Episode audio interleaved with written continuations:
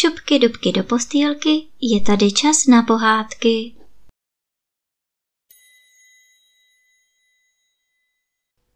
Dnes vám budu vyprávět pohádku Chudý mlinářský tovariš a kočička. Žil byl v jednom mlíně starý mlinář, který neměl ani ženu, ani děti a u toho sloužili tři mlinářští pomocníci. Když u něj byli už několik let, jednoho dne jim řekl Jsem starý a rád bych si už odpočinul.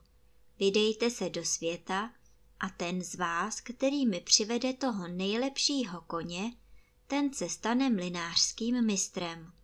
Dostane můj mlín a zaopatří mne na stáří. Jeden z těch mlinářských byl ale takový neduživý pacholíček, kterého ti druzí dva měli za hloupého. Mlín mu nepřáli a on o něj vlastně ani moc nestál. Tak se vydali společně do světa a když přišli vesnici, řekli ti dva tomu hlupáčkovi. Zůstaň tu, Honzo, stejně v životě žádného koně nezaopatříš. Ale Honzík na ně nedal a šel dál. Když se setmělo do černočerné noci, byli zrovna u nějaké jeskyně, tak si vlezli dovnitř a uložili se ke spánku. Ti dva chytráci počkali, až Honzík usne, potom tiše vstali a utekli pryč. Honzu nechali v jeskyni a mnuli si ruce, jak dobře to zařídili, ale nemělo se jim to vyplatit. Když vyšlo slunce a Honza se probudil v jeskyni, rozhlédnul se a zvolal. Bože, kde pak to jsem? Vstal a vyškrábal se z jeskyně a pokračoval v cestě lesem. Jak tak šel, přemítal a uvažoval. Teď jsem v tom lese sám samotinký, jak pak teď přijdu k nějakému koni? Jak tam tak rozumoval, potkal malou strakatou kočičku, která ho pozdravila a pak se zeptala. Co pak tu děláš, Honzíku? Ach, ty mi stejně nemůžeš pomoci, povzdychl si Honzík. Jen nech na hlavě. O tom, že bys chtěl krásného koně, si cvrlikají ptáci v celém lese, řekla kočička. Pojď se mnou a zůstaň u mne sedm let jako můj věrný služebník. Pak ti dám koně krásnějšího, než jsi kdy v životě viděl. Nu, to je mi ale podivuhodná kočka, pomyslel si Honza. Ale uvidíme, zda je pravda, co mi řekla. Tak vzala kočička sebou do svého zámečku, kde žili ostatní kočky a ty jí sloužily. Běhali po schodech sem a tam a byli veselé a v dobré náladě. Večer, když všichni usedli k tabuli, museli tři kočky hrát. Ta první hrála na basu, druhá fidlala na housle a třetí foukala ze všech sil do trumpety. Když se kočky najedly, sklidili stůl a strakatá kočička řekla. No Hanzíku, teď si se mnou zatancuj. Ne, ne, odvětil.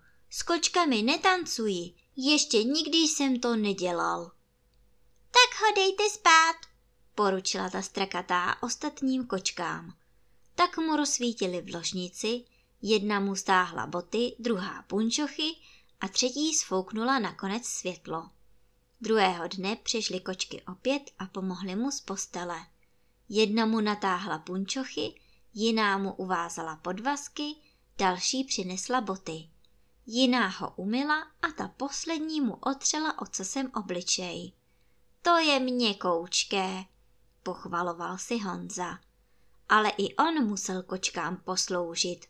Celý den sekal dříví, k čemuž dostal stříbrnou sekeru a klíny, stříbrnou pilu a měděnou palici.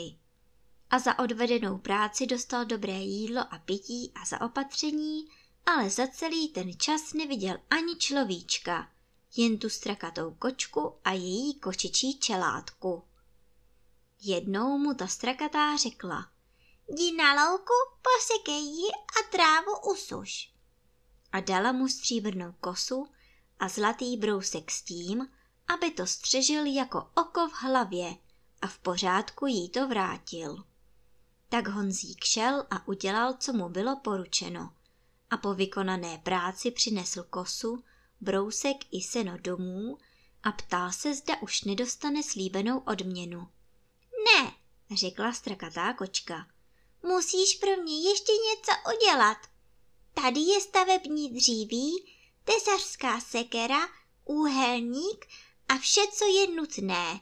Vše ze stříbra. A z toho mi postav nejprve malý domek. Tak Honza postavil dům a pak si zase stěžoval, že vykonal všechnu práci a stále nemá žádného koně. Ale zatím uběhlo těch sedm let jako půl roku a strakatá kočička se ho ptala, zda chce vidět svého koně. Ano, řekl Honza. Tu otevřela dveře domku a uvnitř stálo dvanáct koní. Ach, ti vám vypadali překrásně. Vyhřebelcováni do lesku byla radost na ně pohledět. Kočička řekla Honzíkovi. Teď jdi domů, tvého koně ti nedám, ale za tři dny přijdu a přivedu ti ho. Tak se Honza vydal domů cestou, kterou mu ukázala. A protože nedostal nové šaty, musel jít v těch starých hadrech, ve kterých přišel a které mu byly po těch letech dost malé. Když přišel domů, byli tu i ti dva a každý přivedl svého koně. Jednoho slepého a druhého, co kulhal. Honzo, kde máš svého koně? Ptali se. Přijde za mnou za tři dny, odpověděl Honza. Tu se mu smáli a řekli. No Honzo, to bude jistě ten nejlepší kůň na světě, když se táhne tři dny za tebou. Honza šel do světnice, ale mlinář mu řekl, že nemá chodit tak rozedraný a otrhaný ke stolu. Jeden by se za něj musel stydět. Tak mu dali trochu jídla ven a když šli večer spát, ti dva mu nedopřáli ani postel. Musel si vlézt do kurníku a tam se uložit na slámu. Druhého dne, když se probudil, byly ty tři dny pryč a přijel kočár, tažený šesti překrásnými koňmi a jeden sloužící vedl sedmého a ten byl pro Honzu. Z kočáru vystoupila půvabná princezna a vešla do mlína. Ta princezna byla ta strakatá kočička, které Honzík sedm let sloužil. Zeptala se mlináře, kde je ten malý mlinářský pacholek a mlinář řekl. Nepustil jsem toho trhana do mlína, leží v kurníku. Princezna řekla, aby ho i hned přivedli. Jeden sloužící mu přinesl nádherný oděv a on se musel umít a převléknout. A když byl hotový, vypadal jako nějaký král. Potom si princezna přála vidět koně, které přivedli ti dva druzí. Nu, jeden byl slepý a druhý chromý. Tu poručila sloužícímu přivést toho sedmého koně a když ho mlinář viděl, řekl, že takového na svém dvoře ještě nikdy neviděl. A ten je pro Honzu, řekla princezna. Tak to je mlín jeho, pravil mlinář.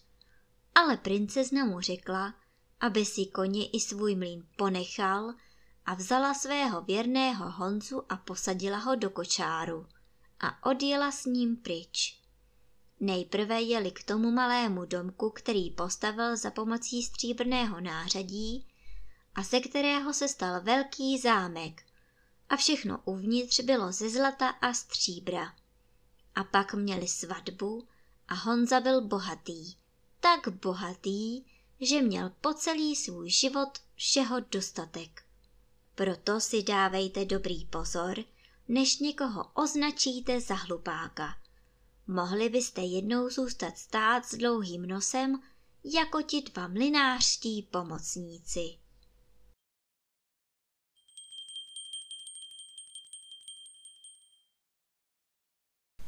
A teď už zavřete očička a krásně se vyspinkejte.